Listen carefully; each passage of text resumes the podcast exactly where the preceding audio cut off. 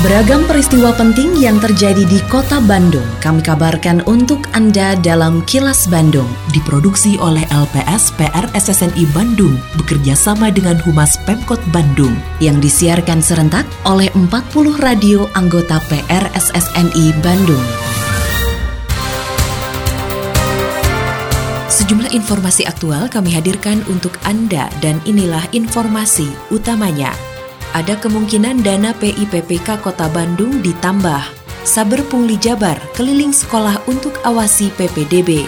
Penumpang angkutan umum harus patuhi protokol kesehatan. Saya Santika Sari Sumantri, inilah kilas Bandung selengkapnya. Seluruh lapisan masyarakat diminta ikut menjaga dan mewujudkan program Citarum Harum yang digulirkan oleh pemerintah pusat beberapa waktu lalu. Ajakan tersebut disampaikan Pangdam 3 Siliwangi, Mayor Jenderal TNI Nugroho Budi Wiryanto saat melakukan kunjungan ke wilayah kerja Sektor 21 Citarum Harum, yaitu Taman Keanekaragaman Hayati di Kampung Cimenteng, Kelurahan Cipageran, Kecamatan Cimahi Utara, Kota Cimahi. Pangdam mengatakan dengan adanya peran serta dari semua pihak, maka kondisi Sungai Citarum yang selama ini dikenal cukup buruk akan berubah menjadi lebih baik. Sehingga ke depannya diharapkan generasi penerus dapat menikmati Sungai Citarum yang indah dan sejuk. Usai melakukan peninjauan di lokasi pembibitan sektor 21 Citarum Harum, Pangdam 3 Siliwangi langsung melakukan penanaman pohon keras jenis baros. Kita sama-sama semuanya, baik TNI, Polri, masyarakat, maupun pegawai negeri kita sama-sama menjaga lingkungan kita agar kita bisa menikmati semuanya. Anak cucu kita juga bisa menikmati bisa bahagia bisa happy bisa bermain-main di sungai dengan aman dengan tidak takut keracunan dan lain sebagainya. Itu mari kita sama-sama mengawasi. Mudah-mudahan para pemilik-pemilik perusahaan juga mengerti memahami sehingga kepentingan kita bersama ini bisa terwujud Wali Kota Bandung Oded Muhammad Daniel mengatakan tidak menutup kemungkinan dana program inovasi pembangunan dan pemberdayaan kewilayahan atau PIPPK di Kota Bandung akan ditambah. Penambahan akan dilakukan jika melihat kreativitas kewilayahan dalam pengembangan wilayah terus meningkat dengan stimulus dana PIPPK tersebut. Saat meresmikan Kampung Tangguh Nusantara di Kelurahan Kebon Kangkung, Kecamatan Kiara Condong, Oded mengatakan dana PIPPK yang dikucurkan oleh pemerintah kota Bandung pada tahun lalu mencapai 205 miliar rupiah. Dana tersebut dialokasikan untuk berbagai program kewilayahan yang dikelola langsung oleh aparat dan masyarakat di wilayah setempat. Kita sudah memberikan 205 miliar loh setiap tahun loh kepada kewilayahan berupa PIPPK kan luar biasa. Nah saya melihat ya insya Allah lah ketika masyarakat kota Bandung ini terkenal dengan kreativitasnya, kreatif inovatif, eh, ketika oleh pemerintah Bandung di, dikasih modal, dikasih bekal untuk membangun, ternyata alhamdulillah ya saya kira seperti ini ya. Oleh karena itu pertama tadi dari sisi bantuan ya pemberian di anggaran alhamdulillah sudah bagus. Ini akan terus kita lanjutkan. Pemerintah Kota Bandung menerima bantuan dari PLN Group di wilayah Jawa Barat berupa 750 paket sembako bagi masyarakat terdampak COVID-19 di Kota Bandung. Bantuan diterima secara simbolis oleh Wali Kota Bandung Oded Muhammad Daniel di Balai Kota Bandung pada Kamis ini. Manajer Komunikasi PT PLN Unit Induk Distribusi Jawa Barat, Iwan Ridwan mengatakan, bantuan senilai 100 juta rupiah tersebut merupakan bagian dari program CSR perusahaan untuk membantu masyarakat yang terdampak COVID-19 di Kota Bandung. Iwan menyatakan sejak terjadinya pandemi COVID-19, pihaknya telah menyalurkan lebih dari 16.000 paket sembako ke seluruh wilayah Jawa Barat dengan nilai 2,4 miliar rupiah.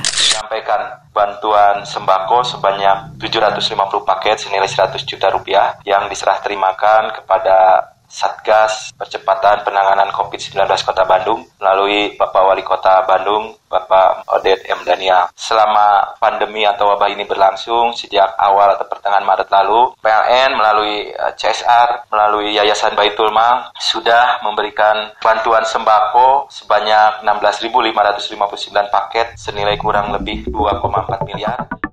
Tim Satuan Tugas Sapu Bersih Pungutan Liar atau Saber Pungli Jawa Barat melakukan pemantauan untuk memastikan tidak ada praktik pungutan liar atau pungli selama berlangsungnya penerimaan peserta didik baru PPDB di Jawa Barat. Sekretaris 2 Saber Pungli Jabar A. Rusman mengatakan, pada PPDB tahun ini, pihaknya bersama anggota Komisi 5 DPRD Jawa Barat mendatangi sejumlah sekolah di beberapa kota dan kabupaten di Jawa Barat untuk menyosialisasikan tentang pungli. Hal ini dilakukan karena ada 30 jenis pemungutan yang berpotensi terjadinya pungli termasuk PPDB. Menurut Rusman, pengawasan antara lain dilakukan terhadap penerimaan calon siswa pada empat jalur pendaftaran yang tersedia, yaitu afirmasi, zonasi, prestasi, dan perpindahan orang tua. Jika terdapat temuan kasus yang menjurus pungli, pihaknya akan segera bergerak dan berkoordinasi dengan aparat penegak hukum yang berwenang. Di dalam penelitian kita, kita pernah FGD, ada 30 jenis pungutan yang berpotensi pungli di Dinas Pendidikan.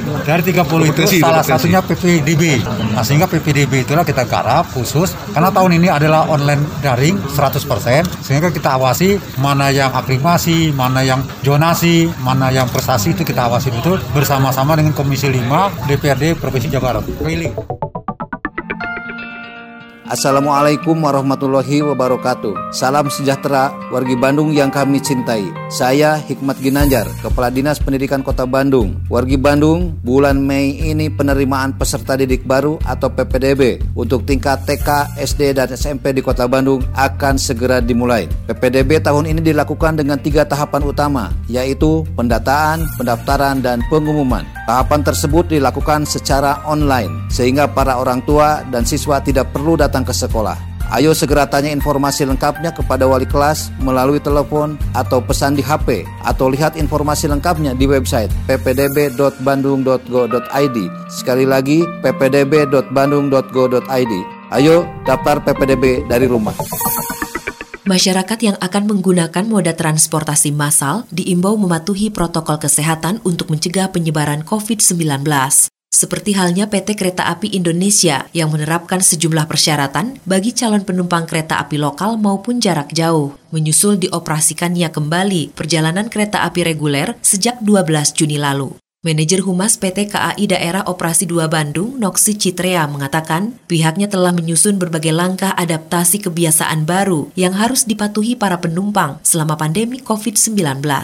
Sebelum naik kereta api, setiap penumpang harus dalam kondisi sehat, memakai masker dan menggunakan pakaian lengan panjang. Sedangkan bagi penumpang kereta api jarak jauh, persyaratannya ditambah dengan surat keterangan bebas COVID-19 dan memiliki SIKM untuk penumpang tujuan DKI Jakarta. Untuk penumpang kereta api lokal, syaratnya di antaranya satu, setiap penumpang diharuskan dalam kondisi sehat, suhu badan tidak lebih dari 37,3 derajat Celcius, wajib mengenakan masker, dan yang keempat, menggunakan pakaian lengan panjang ataupun jaket. Sedangkan untuk kereta api jarak jauh, syaratnya sama dengan kereta api lokal ya, namun ditambahkan dengan dengan surat keterangan bebas COVID dan juga khusus untuk calon penumpang yang akan menuju DKI Jakarta diharuskan untuk memiliki surat izin keluar masuk DKI Jakarta.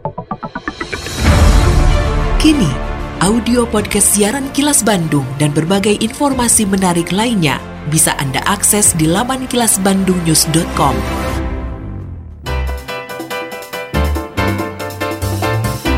Berikut sejumlah agenda kerja para pejabat Pemkot Bandung Kamis 18 Juni 2020. Wali Kota Oded M. Daniel menerima secara simbolis bantuan CSR dari PT PLN dan Bank Danamon berupa alat kesehatan dan paket sembako bagi masyarakat terdampak COVID-19 di Kota Bandung. Selanjutnya mengunjungi sejumlah SD dan SMP untuk melihat pelaksanaan PPDB 2020 Kota Bandung yang dilakukan secara online. Sementara itu, Wakil Wali Kota Yana Mulyana menerima pengurus Yayasan Bandung Philharmonic, juga pengurus PGRI Provinsi Jawa Barat. Berikutnya menjadi narasumber webinar Gerakan Ekonomi Bandung Bangkit. Adapun Bandung menjawab di Auditorium Rosada Balai Kota Bandung, menghadirkan narasumber dari Dinas Kesehatan Kota Bandung dan Dinas Pendidikan Kota Bandung. Selain agenda kerja para pejabat Pemkot Bandung, informasi dari Humas Kota Bandung, yaitu pemerintah Kota Bandung bakal mengizinkan digelarnya resepsi pernikahan setelah melihat kesiapan para pengelola gedung dan penyelenggara acara dalam melaksanakan protokol kesehatan COVID-19. Untuk itu, para pengelola gedung dan penyelenggara acara wajib menggelar simulasi pelaksanaan protokol kesehatan agar acara resepsi tetap bisa digelar tanpa menimbulkan penularan baru COVID-19. Demikian agenda kerja para pejabat Pemkot Bandung dan info aktual yang diterima redaksi LPS PR SSNI Bandung dari Humas Pemkot Bandung.